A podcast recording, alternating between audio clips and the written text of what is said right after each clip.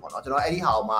ဒီ digital ပေါ်မှာဘယ်လိုမျိုးပြန်ပြီးတော့အသုံးချလို့ရတယ်ဆိုတဲ့ဟာမျိုးကျွန်တော်ကစဉ်းစားတာဆိုတော့ကြတော့လေ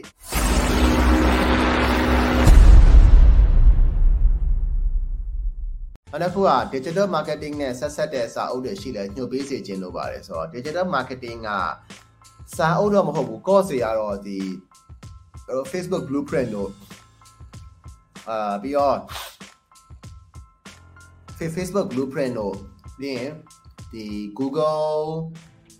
ဗာလဲ Think with Google တို့ LinkedIn Learning ဆိုဆိုရဲအဲ့ platform တွေရှိရဆိုတော့အဲ့ဒီမှာတွားပြီးတော့လေ့လာလို့ရတယ်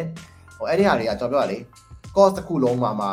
တနင်္လာလောက်ပဲပေးရတာအချိန်ကဆိုတော့အများကြီးပို့ပြီးတော့ကျွန်တော်တို့ဒီဘက်ခေတ်ဟို like အချိန်မရှိတဲ့လူတွေကအများကြီးစင်ပြေစာအုပ်စာအုပ်ဆိုလို့ရှိရင်တော့ okay digital marketing မှာစာအုပ်တွေက um okay ကျွန်တော်အကျန်းကြိုက်တာက Gary Vee ရဲ့အဲ jab jab jab right hook ဆိုတဲ့စာအုပ်ကိုကျွန်တော်ကြိုက်တယ်အဲ့တော့ဒီ jab jab jab right hook ဆိုတဲ့ဒီစာအုပ်ကိုကျွန်တော်သဘောကျတယ်အာပြီးလို့ရှိရင်ကျွန်တော်က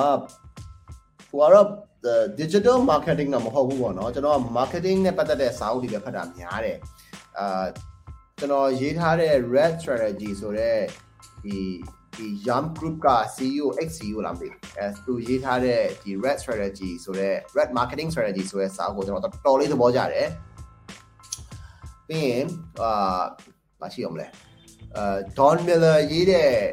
brand story ဆိုတဲ့စာအုပ်ကိုကျွန်တော်သဘောကျတယ်ဆိုတော့အဲ့ဒီဟာတွေဒီကျွန်တော်ပြောရလေဟို marketing နဲ့ပတ်သက်တဲ့စာအုပ်တွေကြာ digital marketing digital marketing ဆိုတဲ့စာအုပ်တွေကမဟုတ်ဘူးပေါ့နော်ကျွန်တော်အဲ့ဒီဟာကိုမှ ဒီ digital ပေါ်မှာဘယ်လိုမျိုးပြန်ပြီးတော့အသုံးချလို့ရတယ်ဆိုတဲ့ဟာမျိုးကျွန်တော်ကစဉ်းစားတာဆိုတော့ကြတော့လေအာ yeah